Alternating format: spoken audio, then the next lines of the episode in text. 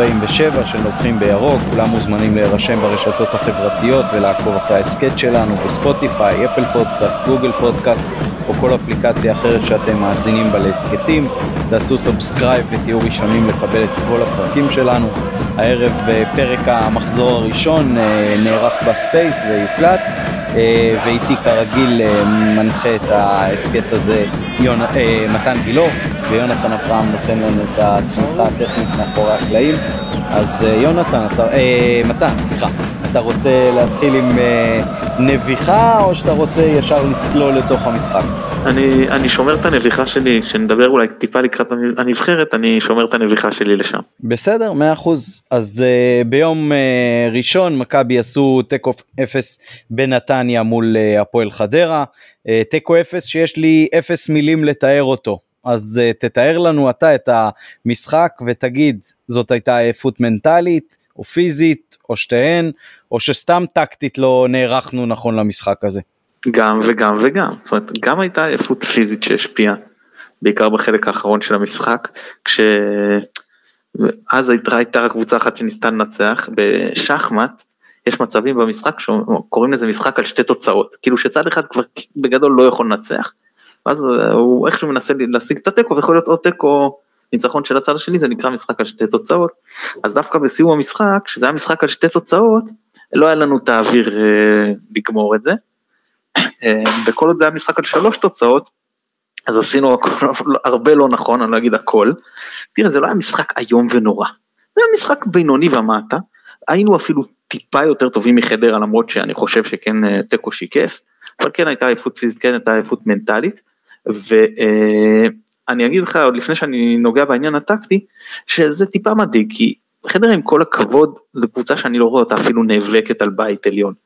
כאילו, במקרה הטוב מבחינתם זה להישאר בליגה. אה, לא אומר שהם ירדו, כן? ואתה מגיע מול קבוצה כזאת, אחרי שיחקת חמישי, וזה לא הולך. עכשיו, עכשיו, אני אומר שזה מדאיג, כי מה עכשיו, כל חמישי שאנחנו נגיע מאירופה זה ייראה ככה? ומה יקרה אם זה יהיה מול אה, קבוצות עדיף יותר טובות? אז בסדר, אז יש חוסרים מסוימים שעוד יחזרו לסגל. אבל עדיין, אה, עד שזה יקרה, וגם כשזה יקרה, אז, אז צריך לראות איך נערכים לעניין הזה. אה, בסדר, זה מה שנקרא הסגל המקצועי, מאמני הכושר והמאמנים המנטליים יצטרכו לעשות פה אה, לא מעט עבודה, כי גם המשחקים זה לא יהיה כמו בקו, שאתה מדקה 60 בערך, או כמה שזה 70, הוא יכול להוריד הילוך. משחקים שיהיו, יש סיכוי שיהיו אינטנסיביים לכל אורך המשחק. ואז אתה תגיע עוד יותר עייף, לפעמים טיסה אה, באמצע. גם אם זה עוד יום לפה יום לשם, אה, קריטי אבל עדיין זה, זה, זה דברים שיכולים להשפיע, אה, זה יהיה קשה ויהיה אה, מעייף. לגבי העניין הטקטי, תראה, זה נראה שמנסים שוב אה, בכר עולה עם ה... כאילו 4-4-2 יהלום הזה, שדיברתי עליו, שבהיעדר אה, קיצוני שמאלי, שכרגע יש לנו, חזיזה לא היה זמין, ואז יש לך החלטה או לשחק עם דין דוד בצד שמאל, או לזנוח את אה, עניין ה-443 הקלאסי עם אה, שחקנים על הקווים, שזה המערך שלדעתי אנחנו נראים בו הכי טוב. אה, אז בחר, בחר ללכת על העניין של היהלום, כדי לא להצמיד לא את שרי ולא את אצילי לצד שמאל, כי הם נראים שם לא טוב, וכי הוא רצה לפתוח עם דוד ולא עם בן סער בהרכב, כאילו גם עם דוד וגם עם סער הכוונה. וזה נראה שבעיקר מי שלא מוצא את עצמו שם זה יובל אשכנזי, למרות שהוא כנראה הגיע להזדמנות הכי טובה שלנו. כאילו זה משהו שם במערך, הוא כאילו היה סוג של כן ביהלום אבל גם שחקן חופשי, זה היה נראה מבורדק, זה לא היה נראה קבוצה של בכר. כי אצל בכר אנחנו תמיד, גם כשאנחנו משחקים לא טוב, נראית קבוצה מאומנת. ופה, בעיקר מחצית הראשונה, זאת הייתה נראית קבוצה לא מאומנת, זה היה בלאגן, גם בהתקפה, גם בהגנה. דווקא ארד ופלניץ' אמורים להיות מתואמים אבל זה היה נראה לא טוב. תראה רגע שנייה אני אני קוטע אותך רגע. תראה הרבע שעה הראשונה אנחנו הגענו שם לאיזה ארבעה מצבים וחלק מההתקפות אפילו היו אה, מצבים כפולים עם בעיטות לשער. קצת אה, המזל וקצת הקורות וקצת אה, השוער הציל אותם. זאת אומרת יכול היה המשחק להתפתח אחרת לגמרי. זאת אומרת אני חושב שההכנה והביצוע בהתחלה היו מאוד טובים, הבעיה פשוט שהגול לא נכנס. תראה, קודם כל אני לא חושב שלבקוביץ' לקח אף כדור ששוער מחליף בליגת העל צריך לקחת. לא, באמת לא היה פה איזשהו זינוק או זה שאתה אומר וואו איך הוא לקח את הכדור הזה. זה כמו שהיה לך נגיד עם שטקוס בגביע הטוטו, לא, לא היה פה שום איזה הצלה. עכשיו גם המצבים, תראה, יש פה עניין באמת של איכות שאתה מסתכל ויש את העניין הסטטיסטי, אז מבחינה סטטיסטית האיכות של המצבים לא הייתה טובה, כי אם אנחנו מגיעים ל-XG מול חדרה של, של 1.42, אז זה נמוך, כן, אתה מבין, זה אומר שסך הכל לא ייצרנו יותר מדי איכות אה, מול השאר מבחינת המצבים, אז נכון אמרתי, אקזיטי זה מדד, יש פה הרבה מאוד בעיות, בכל זאת אתה צריך איזושהי תמונה כללית, כן, לאיכות של המצבים שהגעת אליהם, גם המקוריים, מה זה היה, זה כדור של שרי, שהוא היה קל לשוער והוא לא השתלט עליו טוב וזה נעדף משם, כן, זה לא, אתה לא, לא יכול לקרוא לזה מצב. כן היה מצב טוב לאשכנזי, כן היה מצב טוב מאוד לדין דוד, ובמחצית השנייה מצב מדהים. מצד שני היה גם למוחמד גדיר שני מצבים שאתה, שאתה אומר, וואו, הם היו לא פחות מסוכנים אה, מהמצב של אשכנזי, כן? כן, חד, חד משמעית בקטע הזה היה לנו מזל של אלופים הפעם. כן, אתה מבין, אז אה, אה, זהו, אז, אז, אז זה לא שאתה אומר שכאילו ישבנו על משחק שלם וגם להמון המון מצבים ואיכשהו זה לא נכנס, זה, זה, לא המקרה. עכשיו, תראה, העייפות פה, וזה גם למה פתחנו יחסית טוב, וזה דעך, כי הכלי הכי חזק של מכבי גם התקפית, ולדעתי גם לא מעט הגנתית, זה הלחץ הגבוה שלה. ובגלל זה הרבה פעמים אני גם, אני, אני גם תומך בעניין הזה של שלישיית אמצע, כי שלישיית אמצע זה נכון שזה פחות שחקן התקפה, אבל זה מאפשר לך לחץ גבוה מאוד מאוד אפקטיבי, קל וחומר אם נטע לביא נמצא שם. ופה זה גם היה פחות אפקטיבי מבחינת תמהיל השחקנים שפתח, וגם כל עוד היה לך כוח אז זה נראה יחסית יותר טוב, וברגע שהורדנו, בדרך כלל אנחנו מסוגלים לסחוב את זה יותר זמן. פה אנחנו יכולים לסחוב את זה פחות זמן במחצית הראש, הראשונה, וכמעט ולא בצורה אפקטיבית במחצית השנייה. איך אמר מי שעמד לידי, כל שחקן לוחץ בנפרד, אבל אין לחץ קבוצתי. מבין, לפעמים שחקן לוקח איזה יוזמה ומתנפל על השחקן שמולו, אבל זה לא שקבוצה שלמה דוחפת קדימה. וכשאתה לא עושה את זה, ושזה הכלי הכי טוב שלך, אז גם אתה מצד אחד טיפה יותר חשוף הגנתי, וגם מצד שני אתה מאבד אה, יכולת התקפית. ואם אני חוזר למרכז ההגנה שדיברתי, אז תראה, כשאתה מסתכל על כל בלם בנפרד, הם היו טובים כשהם הגיעו למצב של פעולות הגנה. הם עשו את פעולות ההגנה טוב. כאילו, אתה, אתה מבין, כשמגיעים למאבק, לחילוץ כדור וכיוצא בזה, הם עשו את זה טוב. הבעיה היא שכל הסיפור של התנועה לשטח, זאת אומרת שזה כבר הגנה קבוצתית יותר, היה נראה רע מאוד, ודווקא ציפיתי שזה לא יקרה ממרכז הגנה של, של שני שחקנים מתואמים, כי כשאין תיאום בין השחקנים אז אתה מצפה שזה יותר יקרה. פה גם הם היו, הם, זה שלישייה מתוכם, ואם ניקח גם את ג'וש רבייה, ששיחקה ביחד המון משחקים בעונה שעברה, חוץ מסטריין שהוא דווקא אני חושב היה סך הכל אה, בסדר, גם תרם להתקפה, ואני אגיד לך עוד משהו, הדריבלים שלו, זה נכון שזה דריבלים שחלקם לא היו לעומק, הם היו דריבלים לרוחב, אבל זה דריבלים לרוחב שחלק מהם פותחים את המגרש, ויש גם בזה אה, לא מעט חיובי. אה, זהו, ומה שנקרא, עם ההיעדרות של חזיזה והפציעה של לביא, וה, ומה שמכבי עשתה עם פאני, כפינו על עצמנו אה, איזשהו צמצום באפשרויות, דווקא במקום שאתה הכי צריך להשתמש בסגל הרחב, כשאתה מגיע למשחק אה, בהפרש של שלושה ימים מהמשחק קודם, וזה קצת אה, נשך אותנו איפה שלא נעים שימשכו אותך. כן, עד כמה הרגשת את העייפות אה, הפיזית? אני, אני שנייה רגע אחזור אחורה לדברים שאתה אמרת.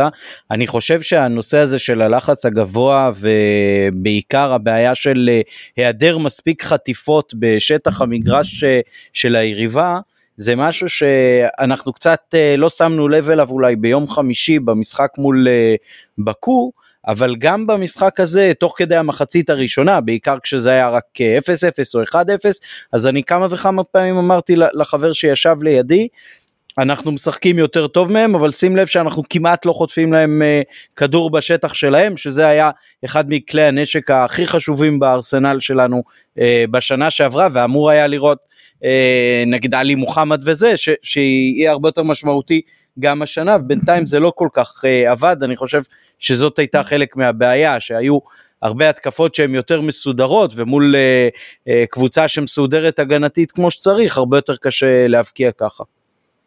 אני אגיד לך, תראה, כל הרביעייה הקדמית שפתחה ועוד שני המחליפים מחליפים מקדימה, זאת אומרת שישה שחקנים, כמה חילוצים סך הכל, אתה רוצה לנחש? ארבע. שניים.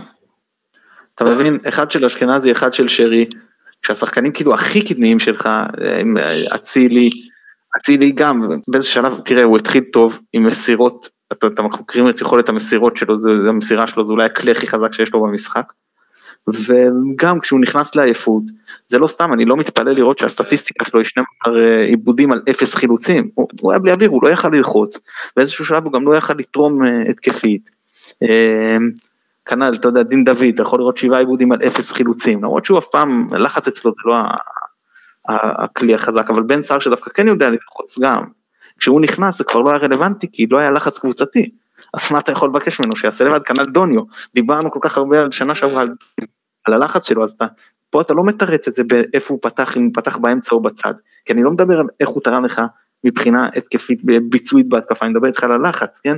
אה, לא, לא, כן, הוא גם לא שיחק הרבה, הוא שיחק 20 דקות, זה לא המון, אבל עדיין, ראית שאף אחד לא יכול, כל אחד מנסה לפעמים פעולות של לחץ אה, לבד, אבל זה לא אפקטיבי כשאין משהו קבוצתי מאחורי זה.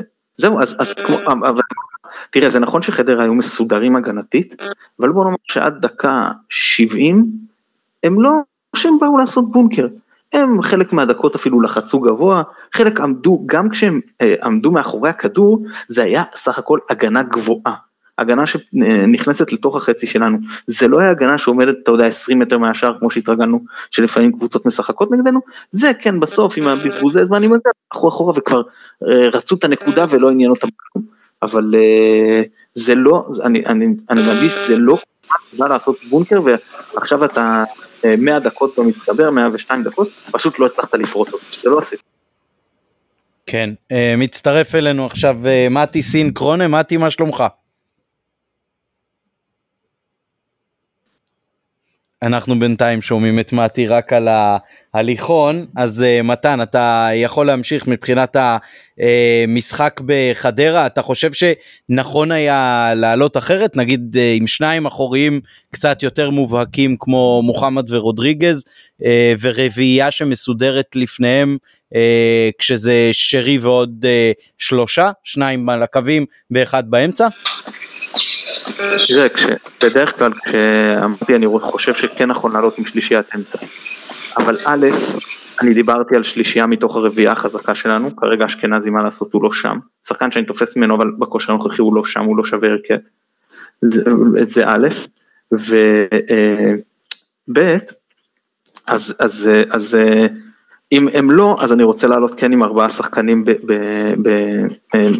בחלק הקדמי. זאת אומרת, כן, אני חושב שהיה צריך, זה דיברתי גם לפני המשחק, שאני חושב שהיו צריכים לפתוח עם רודריגז אה, מוחמד, ואז אצילי אה, ימין, דין דוד שמאל, שרי באמצע ובן סער לפניהם, שדיברנו על זה שכשדוני חוזר לסגל אז כבר יש לנו מחליף בחלוץ ואין לנו את הדאגה הזאת של מה יקרה אם. זאת אומרת, יש לך פה אה, רזרבה וזה גם היה משאיר לך את אשכנזי כרזרבה לאמצע. שלא היה לך הפעם, היה את מאור לוי, אבל זה גם לא, לא, לא נראה מי יודע. אני מתחרה עם הכלב, ואני גם חושב ש... תראה, חשבתי שעדיף שגולדברג יפתח במקום סן מנחם. על פניו לפי הפרסומים כרגע סאן לא אמור לפתוח במשחק הקרוב של הנבחרת, שזה קצת מעודד אותי, ועדיין אני חושב ש... ש... מה, מה קרה בסופו של דבר? הגעת למצב שאתה שם גמור, אתה חייב חילוף בעמדת המגן השמאלי, אתה מכניס את המגן עם האוריינטציה ההגנתית. עכשיו זה אבסורד, אתה מבין? כאילו, זה לא המצב שאתה רוצה. אתה רוצה, בכזה מצב, שאתה ברור לך שסאן גם אה, שחוק וגם הולך לנבחרת, אז תן לגולדברג לפתוח. תיקלע לאיזושהי צרה, עכשיו אתה יכול להכניס את המגן עם האוריינטציה ההתקפית, דווקא כשההגנה מולו יותר עייפה. אה, אם הוא בלאו הכי לא יכול לשחק משחק שלם. ולא שתגיע למצב שאתה משאיר אותו בלית ברירה, כי הוא איזשהו כלי התקפי הרבה יותר טוב מגולדברג, אבל הוא לא יכול לתרום לך כי הוא עייף, גם הגנתית באיזה שלב זה יתחיל להיראות בצד שלו פחות טוב, כי הוא היה עייף, ואז אתה בלית ברירה מכניס את גולדברג ומאבד גם עוד איזשהו כלי התקפי, שעם כמה שאתה מאבד הוא כבר היה במצב שאתה לא מאבד ממנו יותר מדי, ואני מדבר עקרונית. אז זה, זה היה, אה, אה, זה, הבעיה, אני חושב שזאת הייתה החלטה לא נכונה של בכר, למרות שאני כמובן יכול להבין את הרעיון של כן לפתוח איתו. זה לא שאני לא מבין למה אתה פותח עם המגן הראשון שלך, למה אתה פותח עם המגן ההתקפי שלך במשחק כזה שאתה רוצה מגנים ש, שיפרצו. יחסית צפיפות שיותר מנגיד קבוצות כמו הפועל באר שבע או מכבי תל אביב או מכבי נתניה, בסדר? ועדיין אני חושב שפה היה אה, נכון אה, לעלות עם גולדברג. כן, אני מסכים איתך לגמרי בנקודה הזאת. אה, ניסינו ללכת על הרכב שרובו באמת לא מחליפים, קצת לגוון מבחינת המערך וזה כמובן פחות שיחק לנו. אבל אולי זה קצת יביא אותנו לדיון בנושא של אבו פאני, אז קראתי הבוקר את ההודעה של המועדון בעניין הזה מחדש, וההודעה אומרת ככה, אני מקריא אותה היא קצרה. בפגישה שנערכה הבוקר בין מוחמד אבו פאני לראשי המועדון בנוגע לעתידו של הקשר, טרם הושג סיכון, סיכום על אף הרצון החיובי מצד שני הצדדים. השחקן יהיה מחוץ לסגל במשחק הערב מול הפועל חדרה. Uh, ההודעה הזאת מנוסחת באופן שלי הוא קצת מוזר כי היא כאילו יוצרת מין כזה תחושה של uh, גזירת גורל אין מה לעשות טרם מושג סיכום אבל יש רצון חיובי מצד שני הצדדים והוא חתום לכל העונה אז אז מה למה המסקנה האוטומטית של זה שלא הושג סיכום זה כאילו ולכן אז לא כתוב המילה ולכן אבל כתוב השחקן יהיה מחוץ לסגל. אז ברור פה שיש אה, כן קשר סיבתי בין העובדה שטרם הושג סיכום לבין העובדה שהוא מחוץ לסגל. אם יש רצון חיובי אז מה אתם חושבים שהמהלך הזה של מכבי מבטא את הרצון החיובי ההדדי? מהצד שלה?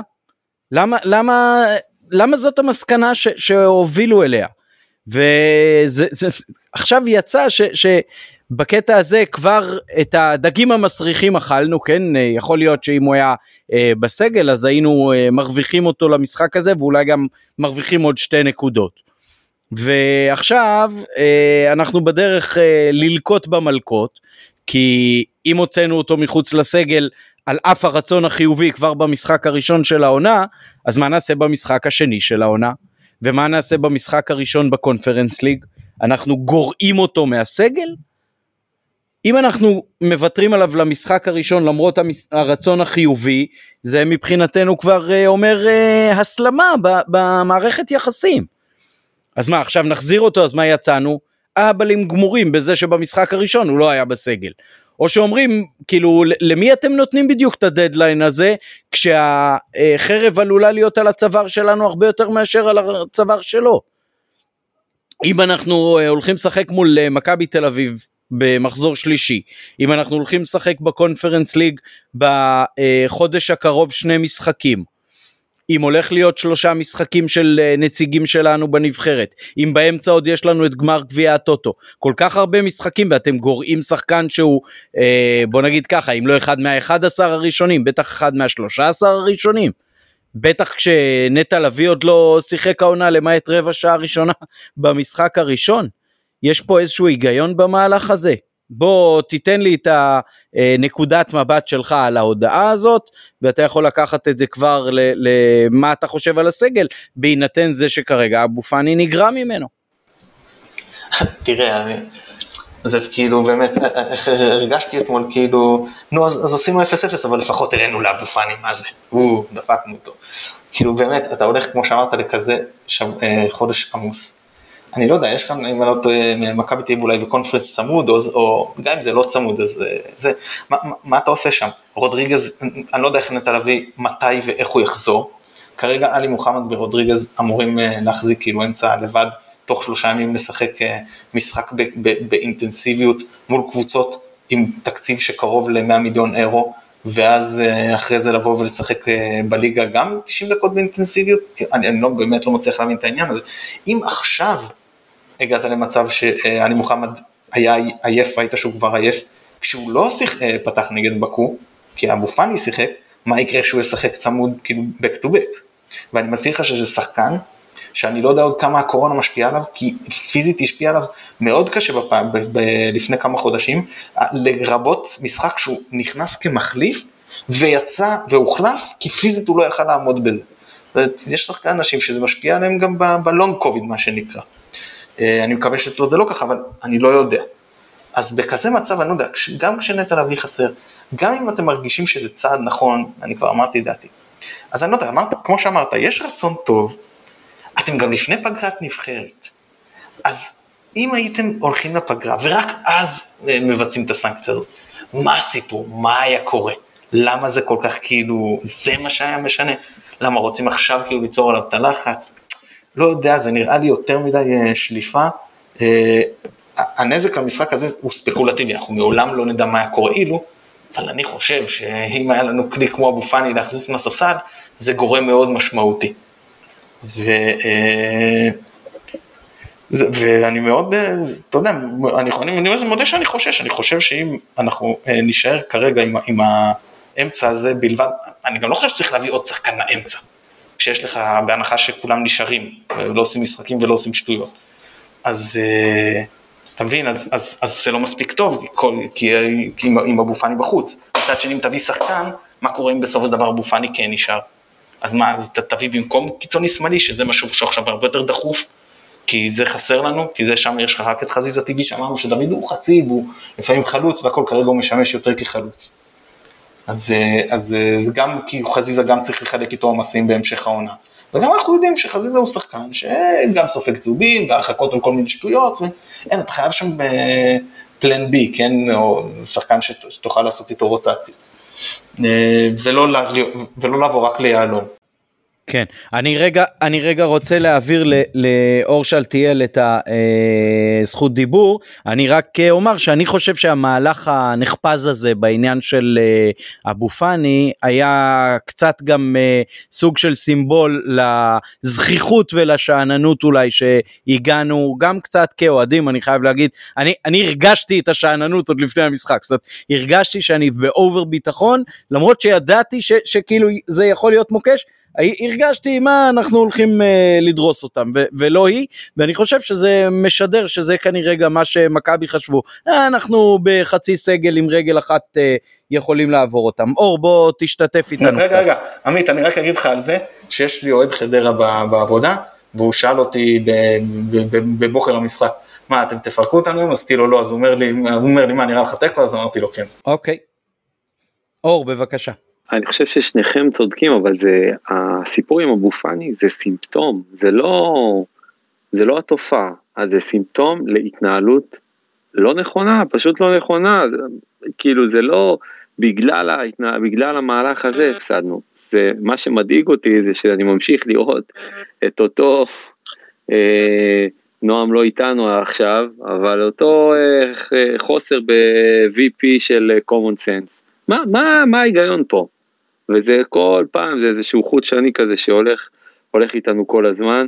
אני אה, התכתבתי איתך איזה שעה לפני המשחק ואמרתי לך שלא חסר לנו שחקנים, חסר לנו scouting וחסר לנו קצת אה, צניעות אה, בשביל להצליח בעונה הזאת.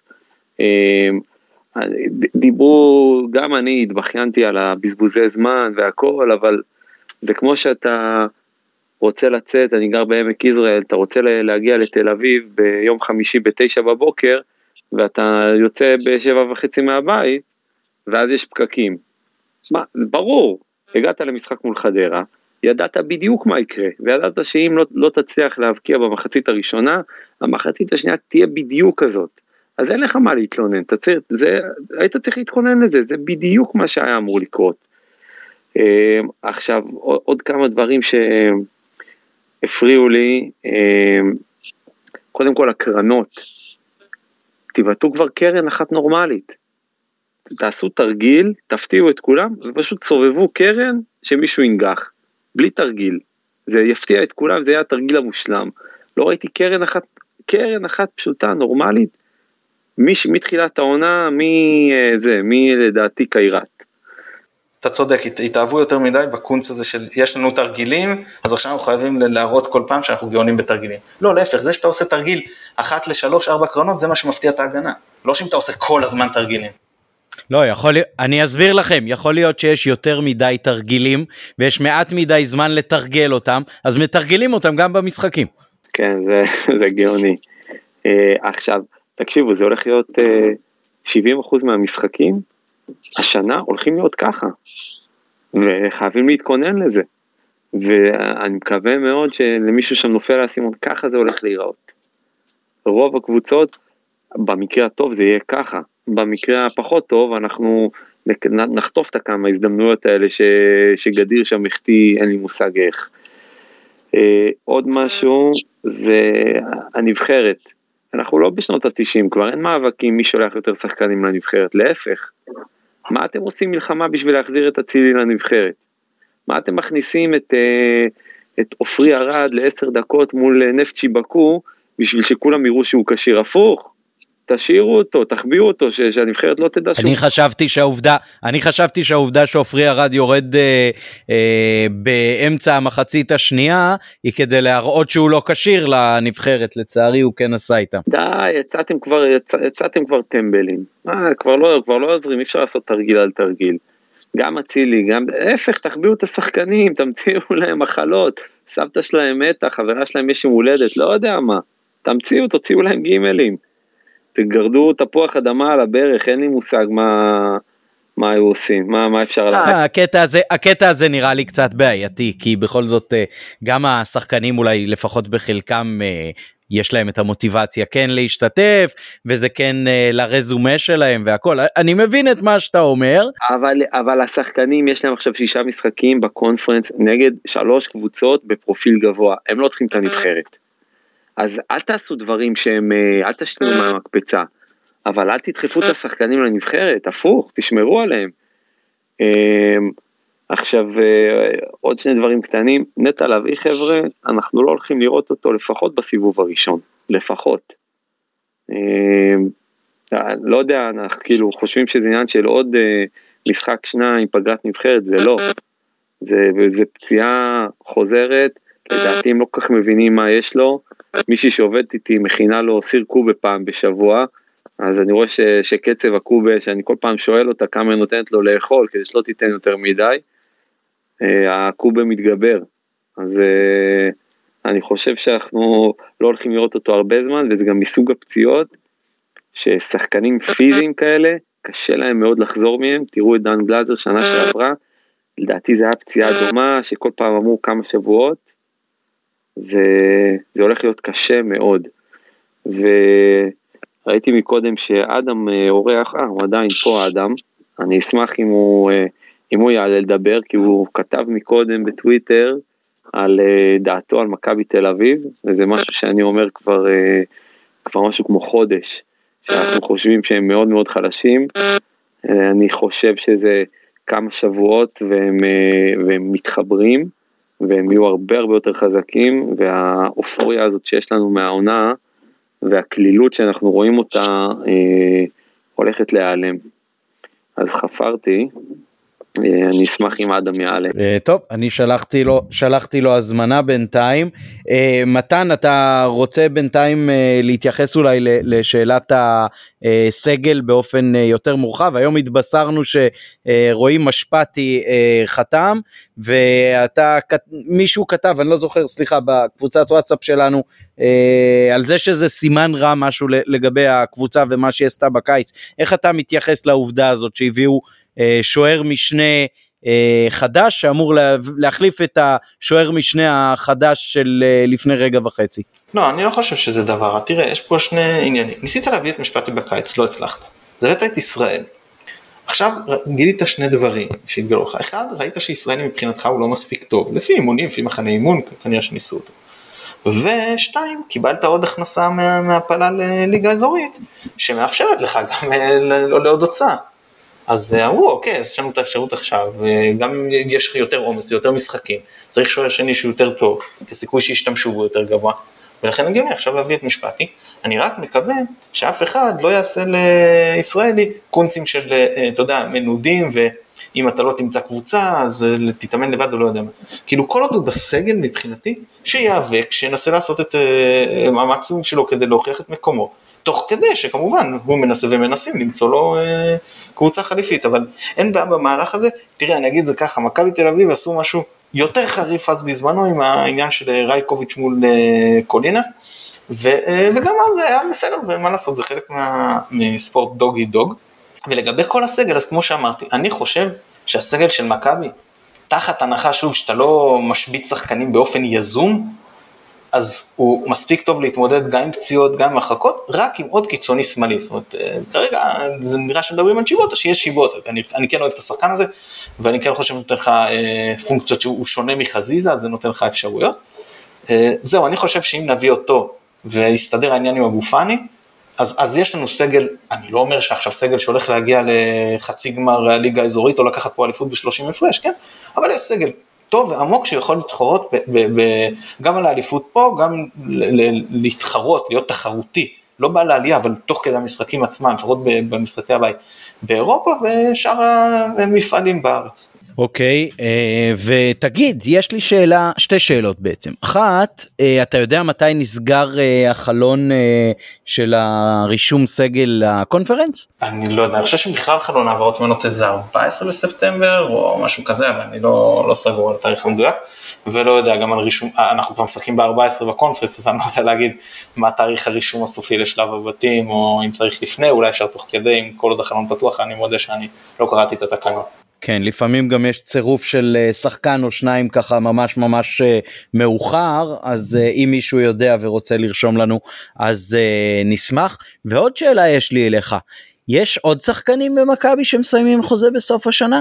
או שאבו פאני הוא היחיד? לפחות משפטי שאנחנו כבר יודעים, כי פורסם שהוא חתם לעונה אחת עם אופציה, אז, אז כרגע אני, אני בטוח לפחות לגביו, אני חושב שגם פלניץ' שמסיים, אני חושב בסיום העונה הזאת, אבל אני מודה שאני לא משוכנע.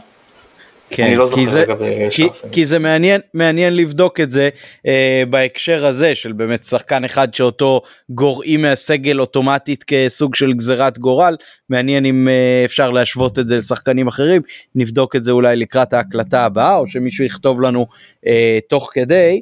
אה, אנחנו שומעים לא על לא זה שניקית. עמית, אני לא זוכר כן. אם כתבתי את זה בקבוצה הזאת או בקבוצה אחרת, אבל כתבתי בצחוק שמשפטי חתם לעונה אחת וישר ישימו אותו ביציע ויגידו לו שהוא צריך לחתום על הארכת חוזה לעונה נוספת. כן בהחלט. Uh, תגיד uh, אנחנו שומעים שניקיטה מחפש כבר uh, דירות בבאר שבע זה מישהו שהיית שוקל להביא אם זה עדיין לא סגור שם? לא, לא במצב הנוכחי, לא בדרישות שלו, לא עם כל מה שהיה, אני חושב שהוא נתן לנו באמת שנים מצוינות אבל ואם הוא היה רוצה להמשיך כאילו לעונה הזאת עם אה, שכר סביר, אז בשמחה, אבל עכשיו כשהתארגנו על הסגל הזה, אז באמת, אז גם ככה יש לנו חלוץ עודף, שכן אנחנו לא מצליחים, אה, לא יודעים מה לעשות איתו. אין לך פה איזה, אז אלא אם מישהו מתכנן להחליף את אה, דוניו באיזה החלפת בזק עם איזה זר אחר בעמדה אחרת, אז אני לא רואה טעם להביא את רוקאביץ. Uh, בסדר אוקיי עכשיו uh, רצית שנדבר גם על uh, ליגת האלופות לנוער אז אני רגע, אציג... אולי, אולי עמית, שנייה כן. אולי לפני זה אולי יש איזה מישהו מהמאזינים שרוצה לדבר כן, על, האמת שש... על המשחק של... בחדרה או זה. שלחתי שלחתי הזמנה לאילן אה, שכנראה לא לא הבחין בה כי גם כתבתי לו בפרטי אה, אדם לא יכול אה, כרגע לעלות הוא התכתב איתי אם יש עוד מישהו שמעוניין אז אה, מוזמנים אה, לשלוח בקשות דרך הטוויטר, זה בשורה התחתונה של הספייס אמור להיות לכם מין אה, אייקון כזה של אה, בקשת אה, רשות דיבור, אז אתם מעוניינים ומוזמנים לשלוח לי ותוכלו בהחלט להשתתף. דה מאיו אולי, שאנחנו מכירים מילדות, אני באופן יזום שולח לו הזמנה עכשיו, נמרוד. נדב גם, מישהו... נדב לא היה פה מקודם, חשבתי שנדב היה פה מקודם, רציתי גם לשמוע אותו, אבל בסדר. אה, בסדר, אולי הוא נעלם. אה, ואם מתי סיים את האימון שלו וההליכון כבר שקט, אז הוא גם כמובן יכול אה, לפתוח לעצמו את המיקרופון ואני שולח לו הזמנה. הליגת האלופות לנוער, אני רק אציג את הנושא ואם מישהו תוך כדי רוצה להשתתף אז הוא מוזמן לשלוח לי בקשה. אז מכבי הוגרלה קבוצת הנוער לשני משחקים מול ז'לגיריס קובנה מליטא, פעם ראשונה שמשתתפת בטורניר הנוער בצ'מפיונס, אה, משחקי בית בחוץ בסוף ספטמבר ותחילת אה, אוקטובר, אה, והמנצחת בין שתי הקבוצות תשחק מול לקורוניה אלופת ספרד לנוער, או מול פוגון צ'צ'ין, וזה מראה את המוצא שלי שאני יודע להגיד צ'צ'ין מפולין בשלב הבא. אז מתן, לדעתך בעידן הזה של אה, קורונה, תחלואה ובידודים, אפשר היה לוותר על המפעל הזה? א', אני חושב שהיה אפשר לוותר על המפעל הזה לנוער. אה, לא, אני אומר, אחד כזה שמביא איזה וריאנט, מדביק את הכיתה, לא יודע, כאילו, חלקם עוד אה, תלמידים ייכנסו גם לבידוד. לא יודע, זה היה נראה לי באמת אה, אה, לקיים מפעל כזה עכשיו, עוד טיסות, עוד אנשים שעוברים בין מדינות, אה, זה גם ספורטאים שמתחככים אחד בשני במגע, נכון, כולם עושים בדיקות ועדיין, אנחנו רואים שבכל זאת חזר לנו כבר עם, אה, עם אה, אה, כרוז אה, חולה מגיאורגיה ועם אה, שחקן אה, ש, ש, אה, אה, ישראלי שאובחן אה, חולה, לא חולה, נסע, מאובחן, לא יודע איך קורא, חיובי נקרא לזה, בסדר? אה, הדברים האלה עוברים. עכשיו, אני לא חושב שמדובר, אני לא רוצה להיכנס לעניין של הקורונה, אני לא חושב שמדובר פה איזה מחלה נוראית, סטייל אה, השפעת הספרדית שהשמידה אה, עשרות מיליונים בתחילת המאה הקודמת, אבל עדיין, במציאות הנוכחית, אני חושב שהיה אפשר עוד שנה לחכות עם זה, שאחוזי מחוסנים יהיו יותר גבוהים, שידעו להתמודד עם המחלה הזאת קצת יותר טוב. ואם בכל זאת החלטתם לקיים, אז אני חושב ש...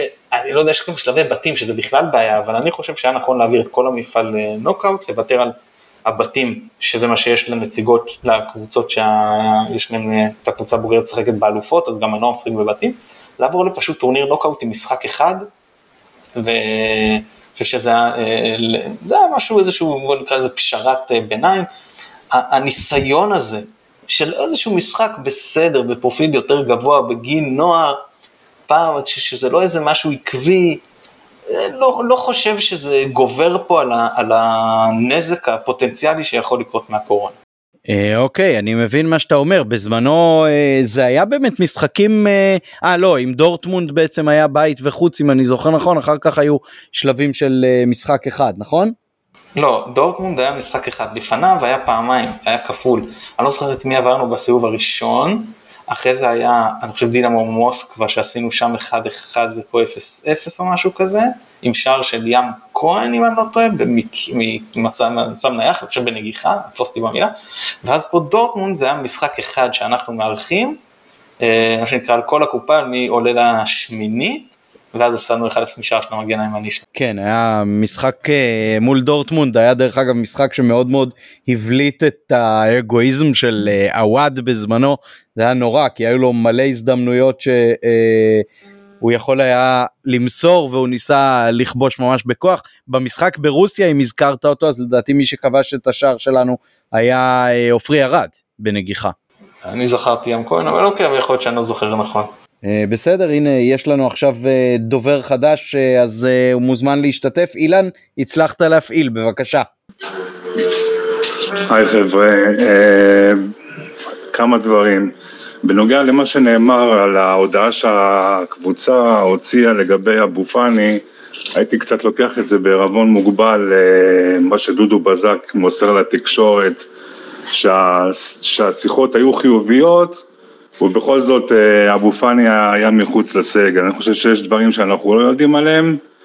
אה, אם אבו פאני בסופו של דבר אה, כן יחדש את החוזה, כן יחתום, אז הרווחנו פה בגדול, והמהלך הזה של הוצאת שחקן מהסגל כאיום לזה שאם הוא לא חותם בעונת החוזה האחרונה שלו והוא מוצא את עצמו מחוץ לקבוצה, האיום הזה כן יקבל תוקף וכן ירתיע, יכול להרתיע בעתיד שחקנים אחרים. אם אבו פאני לא יחתום ואנחנו כן נחזיר אותו לסגל, אז אנחנו נצא מטומטמים. אה, יכול, יכולה להיות גם דרך אגב אה, עוד איזושהי השפעה. יכול להיות שכתוצאה מזה שבמשחק הראשון לא ניצחנו, וכמו ששמענו, אני לא יודע מה בדיוק הביסוס, אבל אה, נטע לביא עוד לא בדיוק מתדפק על ההרכב, והמשחקים הולכים להיות מאוד מאוד צפופים בחודש הקרוב, אז יכול להיות שמה שיקרה זה שמכבי פשוט בתוך המשא ומתן תהיה יותר חלשה, כי היא תהיה יותר לחוצה לזה שאבו פאני יחזור לסגל. כן, אני, אני אומר, אם אנחנו בסוף כן נחזיר אותו לסגל אה, בלי זה שהוא חותם, אז אנחנו נצא מטומטמים. לא, לא, אני, אני אומר שבתוך חדר המשא ומתן, בלי קשר למה יהיה במצב של אי חתימה, אני אומר, בתוך המשא ומתן, אנחנו אה, באיזשהו מקום נתנו לאבו פאני עכשיו יד יותר חזקה. גם נכון, אבל אני לא חושב שהחיסרון של אבו פאני הוא זה שהשפיע על התוצאה נגד חדרה, אני חושב שיותר החיסרון של חזיזה. כי חזיזה זה שחקן ש... שבמיוחד שאצילי גם כן היה עייף ואחרי 20 דקות אה, כבר לא הרגשנו אותו, אה, במקרה שיש לך את חזיזה זה עוד כוח שתוקף מהצד השני ואני חושב שהחיסרון שלו היה הרבה יותר אה, גדול מול החיסרון של אה, אבו פאני. כן, מבחינת לייצר מצבים בהתקפה, אז אין ספק שההשפעה שלו יותר משמעותית. אני חושב שהעובדה שהלחץ שלנו, כמו שמתן אמר, היה כל שחקן לעצמו ולא באופן קבוצתי, זה באמת משהו שהיה אולי נראה קצת אחרת אם אבו פאני היה על הדשא. מה, מה דעתך מבחינת נושאי רכש? אתה חושב שהחסרנו איזשהו שם או איזושהי עמדה שנכון היה לחזק? Uh, לא, אני גם מסכים שאם uh, היה אפשר להביא את מאביס צ'יבוטה זה... זה יכול להיות תוספת משמעותית. ונקודה נוספת ש, שדי מפריע לי, שהוא יכול להיות ש, שרק לי מפריע, יכול להיות שאנשים אחרים יסכימו איתי, יכול להיות שלא, זה רודריגז. אני אה, לא, לא, אוהב לא אוהב את השחקן הזה, וזה בלשון המעטה, עוד עונה שעברה עוד היו פעמים ש, שהוא כן עשה דברים טובים, העונה הוא פשוט אה, מתחת לכל ביקורת, הוא ממש אה, מרגרינה בקישור, לא תורם לנו מבחינת הלחץ, לא תורם מבחינת חילוץ כדורים וגם לא, לא, לא מנווט את המשחק נכון. נגד הפועל תל אביב, אה, אם אני זוכר ככה כנקודה בולטת את הכן כניסות שלו ושבירת קווי הגנה, אתה לא חושב שהוא היה טוב? כן, אבל הפועל תל אביב זה, זה המשחק, שיחקת מול קבוצה ש, שלא הופיעה מולך בכלל. זה לא היה, זה לא היה רק רודריגז, זה, זה, כל, כל הקבוצה שיחקה די טוב, כי סך הכל הפועל תל אביב אפילו לא, ניס, לא ניסו לתקוף אותנו. יכול להיות שבזה ש, שהשחקנים כמו רודריגז שיחקו טוב, זה תרם לעובדה הזאת שהפועל תל אביב לא תקפו אותנו, אבל uh, זה לא הייתה ממש יריבה לבדוק את זה, וראית ש, שמול הקבוצות האירופאיות, הוא ממש נופל, הוא לא, הוא לא עוזר לנו בשיט, וגם מול חדרה. אני ממש לא מסכים אילן. ברשותכם, אני לא מסכים. אני חושב ש... קודם כל, נגד בקור אני חושב שהוא היה מצוין. ב', יש דברים ש... אה, תראה, יש דברים שהם סובייקטיביים, אם אתה חושב שהוא טוב או לא טוב סובייקטיבי, אבל לגבי חילוצים, זה עובדות, זה נתונים. הוא מחלץ, כאילו, אני, אני לא יודע, במשחק הזה הוא, הוא, הוא היה מקום שלישי בחילוצים במכבי. אה, בטח הרבה יותר, בסדר, אתה מצפה שהוא יהיה יותר מכל שחקן בחלק הקדמי, זה ברור, אבל אה, הוא גם חילץ יותר מהמגנים למשל. אה, לא יודע אם זה טריוויאלי, לא טריוויאלי, אבל זה נתון. אה, אני לא חושב שהוא מרגרינה בכלל. גם אני מסתכל על המאבקים שלו, אז 50 אה, אחוז, אמנם היינו מצפים יותר ואומנם אנחנו רגילים ליותר, אבל צריכים לזכור שזה משחק שני שלו תוך שלושה ימים, ובכל זאת הוא מנצח חצי מהמאבקים, אז בסדר, זה לא קטסטרופה. גם 90% דיוק במסירות, אין פה איזה משהו שאתה אומר, אני מדבר מבחינה רגע סטטיסטית, אין פה איזה נתון שאתה אומר, וואו זאת uh, התרסקות uh, רצינית למרות שחמישה עיבודי כדור זה כנראה קצת יותר מדי לקשר אחורי. גם בדריבל שלו שהוא הוא, הוא עושה טוב זאת אומרת דריבל סך הכל זה לא נכון לא דריבל בחלק הקדמי זה לא דריבל שמייצר לך מצב לגול אבל זה דריבל שמוציא התקפה זה דריבל ששובר לחץ. Uh, אני חושב שהוא כן מנווט את המשחק טוב זה נכון שלמשל אבו פאני עושה את זה יותר טוב אבל אם אני מסתכל על מישהו שבונה לי את המשחק יותר טוב, נגיד הוא עלי מוחמד, אז אני חושב שהוא עושה את זה יותר טוב. ובעיקר, בעיקר, אני חושב שהיתרון הכי גדול שלו, של רודריגז, שהוא מאוד מאוד מבין את המשחק הגנתית. וכשמגן עולה למעלה, אז הוא יודע להיכנס או לעמדה שלו, או לעמדה של הבנם שיצא לסגור אותו. וכשיש שתיים על אחד בקו, כי הקשר למשל, כי אצילי באיזה שלב כבר לא מסוגל לרדת ואז עושים שניים על אחד הסטריין, ושוב הבלם צריך לצאת אליו, אז הוא נכנס לעמדה של הבלם והוא יודע, הוא קורא את המשחק ההגנתי ברמה מאוד גבוהה, ואני חושב שהוא לדעתי הוא שחקן מאוד חשוב בסגל שלנו והוא בעצם השש היחיד שבאמת מתנהג ומתנהל על, המשח... על המגרש כמו שש, כמו קשה אחורי, בלי לצאת לכל מיני הרפתקאות שמשאירות אוקיינוס באמצע, הוא שחקן מאוד אחראי וגם אם ספציפית נקודתית אה, אתה חושב מה שאני לא כל כך מסכים אבל זה לגיטימי לחשוב את זה שהוא פתח את העונה פחות טוב, אני עדיין חושב שמבחינת הסט יכולות שלו הוא שחקן חשוב בסגל. זה בסדר גם אם לא נסכים כמובן, כן? כן, כמובן, אה, אפשר, אפשר להסכים. דבר אחד שאני, שאני חושב, זה שאם אבו פאני כן חותם, הלוואי, חותם ו- ונטע חוזר והכל בסדר, לדעתי לקראת ינואר אפשר לחשוב, הוא תופס מקום של זר, אפשר לחשוב על להחליף אותו בבלם זר. ואז אתה נשאר בלי קשר אחורי. יש לך, את נטע, את. אבו פאני, את אה, עלי מוחמד, את ג'אבר. אבו פאני, אבו פאני ואלי מוחמד הם לחלוטין לדעתי, לחלוטין לא קשרים אחוריים, ונטע כמו שאמרתי, יש לי שתי בעיות עם זה שהוא קשר אחורי.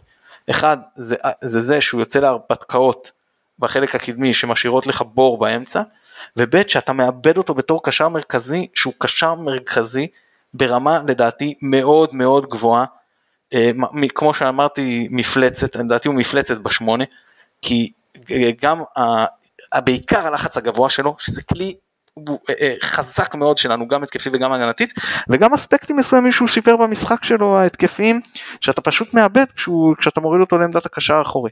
אז אני חושב שהוא הוא פוגע, בח, אה, אה, כשאנחנו מורידים אותו אחורה, זה לדעתי, כן, זה פוגע בנו גם התקפית וגם הגנתית, ו, ואני לא הייתי אה, מוותר, גם לא הייתי מוותר על אבי בתור קשר מרכזי, וגם לא הייתי רוצה לראות אותו בתור הקשר האחורי. אז לדעתך שלישיית הקישור זה רודריגז, נטע ושרי?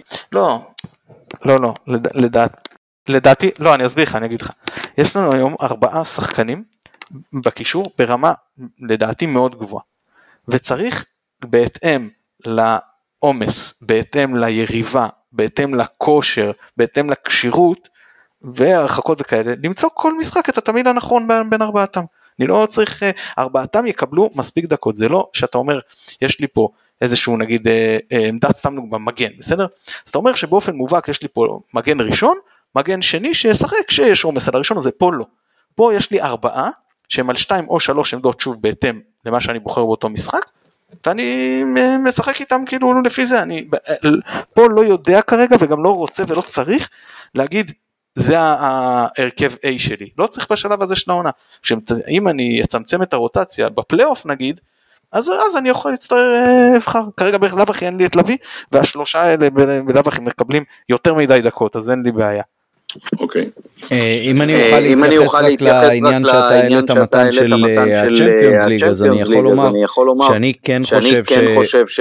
מכיוון שמנסים בכל זאת לחיות לצד המגיפה הזאת שאיתנו כבר יותר מעונה וחצי בעצם. עכשיו מתחילה להשפיע כבר על העונה השלישית שלה. אז אני חושב שכן עד כמה שאפשר לקיים חיים בצל הדבר הזה צריך לזכור שגילאי נוער זה גילאים שכבר מחוסנים מחוסנים, שגם אה, שגם אה, הנטייה להידבקות יותר נמוכה וגם נמוכה וגם ה- ה- אה, אה, הסיכוי שלך להדביק או לחלות קשה במחלה, לפחות על פי הפרסומים, כן, אנחנו לא כן, נעשה את זה לא עכשיו דיון בענייני קורונה, אבל אה, חלילה אה, שניכנס לדבר הזה, כן, לדבר הזה, כן, אבל אה, אני- אה, חושב שכן צריך אה, כמה אה, שאפשר אה, לחזור אה, לשגרת אה, חיים אה, אה, בצל אה, הדבר הזה, לצד הדבר הזה, אה, אני יודע אה, שבמכבי במחלקות הצעירות אה, כן יש אה, כן אה, יש, לכל הפחות לכל הפחות עידוד התחסנות התחסנות בהקשר הזה, בהקשר הזה, אה, ואני אה, כן ואני אה, כן, שמח שהדבר שמח הזה מתקיים, אני מתקיים. חושב שזה מאוד אני חושב חשוב שזה מאוד לשחקנים חשוב שלנו, לשחקנים שלנו, אה,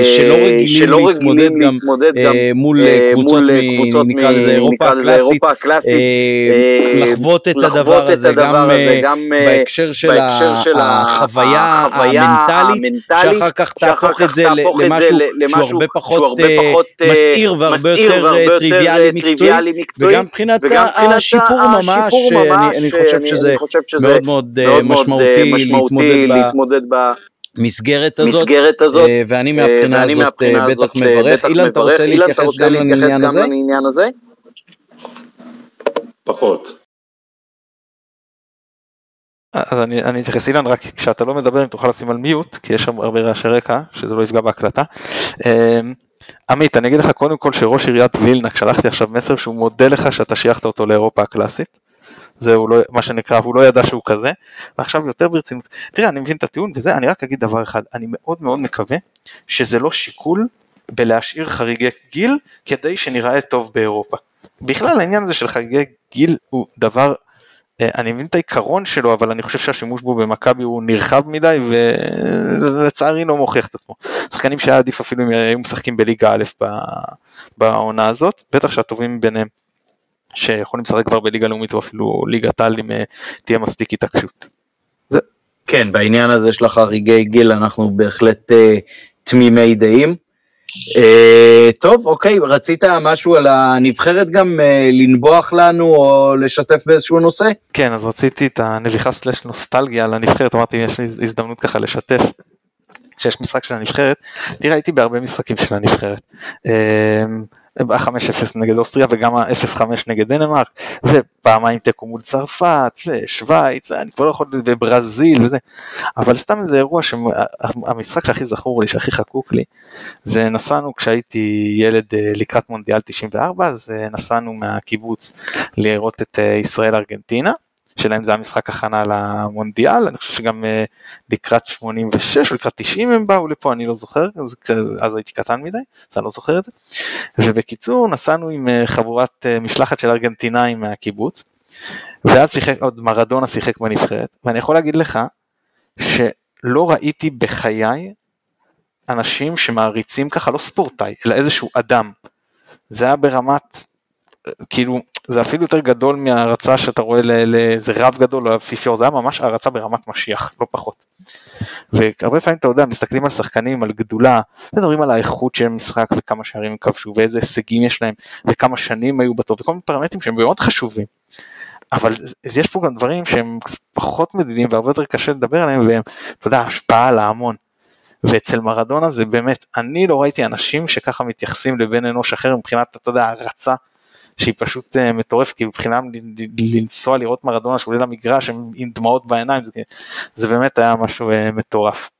זהו, אני, אני מניח שלא נראה דבר כזה אצל ישראלים לקראת המשחק ב-EFR, כן, אבל uh, לפחות הם יוכלו לקבל סיור טוב מהחבר'ה שלנו. כן, כנראה שלא נראה דבר כזה, אבל באמת איי פארו זה נוסטלגיה של הטווח הקצר, אז מעניין באמת מה יהיה שם.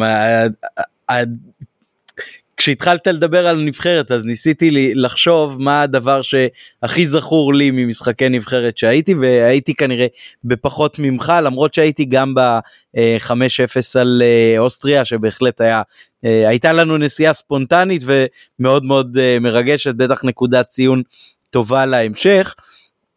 אבל חשבתי על זה שאחד הדברים אולי שאני הכי זוכר ממשחקי נבחרת זה מהאחד אחד שהיה מול אה, אוסטריה ברמת גן באוקטובר 2001 לקראת אה, מונדיאל 2002 אז בקריית אליעזר בזמנו כבר היינו רגילים אה, שיש לנו מקומות מסומנים וכולם כשאנחנו נכנסים ליציע כל אחד יודע את מקומו ונכנס ומתיישב לפי המקום שלו. למשחק הזה הגענו ממש ממש איזה 2-3 דקות לפני הפתיחה של המשחק והיציעים היו מלאים מפוצצים ובאנו והתיישבנו והמקומות שלנו היו פנויים. זאת אומרת היציע כולו מלא ובמקומות שלנו אף אחד לא ישב באנו והתיישבנו אני חושב שזה היה אה, אחד הסימנים שאני קיבלתי שמשהו בכדורגל בארץ אה, משתנה אם לא מבחינת איכות המשחק אז לפחות מבחינת אה, איכות הקהל. אז אה, זה הרגע שלי עם הנבחרת. אה, מתי, הזדמנות אחרונה שלך, אתה רוצה להשתתף איתנו לפני שאנחנו סוגרים פה את הטרק? אני שולח לך הזמנה עכשיו. רגע, נדב גם מצטרף אה, אלינו, אוקיי, נדב רגע. רוצה לשלוח בקשה, איפה- בקשה. אה, לא, נד- הוא במאזין, אני- אם הוא- אם הוא רוצה לדבר אנחנו אה, נשמח. הנה אני אה, רואה, כן. לשמוע אותו. סבבה, אז אני פותח אה, אה, גם למתן את המיקרופון, אז אה, מי שמביניכם לנדב. מעוניין, כן, נדב. אה, אה, אגב, גם אני הייתי באחד אחד הזה מול, מול אה, אוסטריה, אבל אני הייתי במזרחי. אני נודר שאני הייתי הראשון שנכנס לאצטדיון באותו, באותו, סתם, לא יודע מה היה במערבי, אבל במזרחי אני בטוח שאני הראשון שנכנסתי, ובאמת הייתה לי הרגשה שאנחנו לוקחים את המשחק, שאנחנו נבחרת יותר טובה, שאנחנו בבית עם כל הקהל הזה, ושאנחנו, די, זהו, אנחנו, אני חושב שזה היה משחק על הפלייאוף. כאילו מי ש... אם היינו מנצחים היינו מעפילים לפלייאוף. וכבר שמנו את הפנדל ההוא וזה, ו... שם בדקה... הבעיטות אה, עונשין הארורות האלה באיצטדיון רמת גן בתוספת הזמן, זה משהו שילווה אותנו כנראה כל חיינו. אני, אני פה חברים, אני, יאללה נדב, יאללה, נדב אתה רוצה קצת אה, לדבר על מה שדיברנו היום או על, אה, על משחק בחדרה, לשתף כמה מהמחשבות? אה, כן האמת שאבל לא הקשבתי לכל, ה, לכל הדברים ש, שנאמרו, אבל כן אני אתייחס, מהתקציר שראיתי הבנתי שהיה קצת מבאס, אני כן אה, אחזור לפרק הקודם שלנו ש... שהשתתפתי בו ונהניתי מאוד אה, שאני כן עדיין חושב שאולי היה צריך לפתוח עם אה, אה, רוטציה קצת יותר רחבה. אני לא יודע מה המצב של עופרי ארד אבל אני מקווה מאוד שאנחנו לא, שהפציעה היא שם לא רצינית, לא, לא הספקתי להתעדכן היום כל כך. אה, וחוץ מזה אני לא, לא כל כך מתרגש מה-0-0, זה חייב להגיד לכם, כאילו קבוצות של ברק בכר, אה, גם בהפועל באר שבע, אני זוכר שגם בקריית שמונה תמיד לקח להם קצת יותר זמן להיכנס לעניינים, ו... ואני מאמין שייקח זמן ו... וניכנס לתלם ואנחנו לא, אני, אני לא מתרגש מזה, כאילו, זה, זה ככה אני, ככה אני מתייחס לזה. טוב, ו... ואיך אתה רואה את כל, דיברנו על זה, אם לא הקשבת אז אני אשמח גם לשמוע את דעתך, על זה שכרגע אין לנו את לביא, אנחנו לא יודעים מתי הוא יחזור, כרגע אבו פאני, לפחות נכון לעת הנוכחית מחוץ לסגל, אנחנו הולכים לקראת אה, חודש מאוד אה, צפוף, משחקים קשים back to back ליגה ואירופה, עלי מוחמד ורודריגז בעצם שני הבכירים היחידים בקישור, קצת אשכנזי אולי מאור לב ומחמוד ג'אבר שיכולים למלא, אבל בגדול זה נופל על שניהם, איך אתה, אתה לא, לא מדאיג אותך מאוד הסיפור מדאיג הזה? אותי. אני, אני לא, מבין, לא מבין את הסיפור עם אבו פאני, זה מאוד מבאס. אני כאילו, לא היה כל כך הרבה זמן לסגור את זה, ועכשיו ש... שאנחנו גם באירופה אז מתחיל מאני טיים, זה לא שאנחנו באפריל ואנחנו בפלייאוף וצריך אה, זה. אה, ש... ויפה שעה אחת קודם, שיסגרו את הסיפור הזה ויאללה, כאילו נטע לביא, אני מבין שיש שם פציעה, ככה שזה לא כל כך בשליטה, כאילו, לא יודעת כמה זה באמת בשליטת, אה, אה, בשליטתנו, זה פשוט צריך להחלים ו- ו- ולהיות מקצועי ולהתאמן כמו שצריך ו- ולחזור לעניינים, אבל בסיפור של פאני אני לא מבין, כאילו, אנחנו שחקן, וזה לא סתם שחקן, זה שחקן סופר קריטי שמשפיע על, ה... שמשפיע על התוצאה והוא יושב בחוץ, סתם, על שטויות, באמת לדעתי זה שטויות. אה, ומאוד מאוד מקווה שיפתרו את זה במהרה. טוב, אוקיי, אז אמ, אני רואה שאין לנו פה עוד אה, חברים שרוצים לדבר. אה, אגב, תש, תשתפו אותנו איך זה לכם הספייס, אם אתם אה, מעדיפים את זה או פרק רגיל שנעלה, זה חשוב לנו ומעניין לנו לשמוע. ובכלל זאת הזדמנות מצוינת של אנשים לבוא ולדבר, אז גם אם לא הפעם, בפעמים הבאות, מי שרוצה להיערך, אז אה, רק תבקשו, אנחנו לא, לא נגיד לאף אחד לא. אז כמובן תודה לעמית פרלה שניהל והנחה את מרבית הפרק, נודה ליונתן אברהם שנותן לנו את התמיכה הטכנית מאחורי הקלעים, לכל אחד ואחד מכם שהשתתף, האזין והצטרף לספייס וכמובן מי שמאזין לנו עכשיו בשאר האפליקציות וברשתות החברתיות, ירוק 1913 בטוויטר, נופחים בירוק גם בפייסבוק וגם באינסטגרם. ותודה רבה שהאזנתם, וגם בפגרת הנבחרת אנחנו נעלה פרק בתקווה ובטח לפני אה, המשחק נגד סכנין. ירוק עולה, ביי ביי.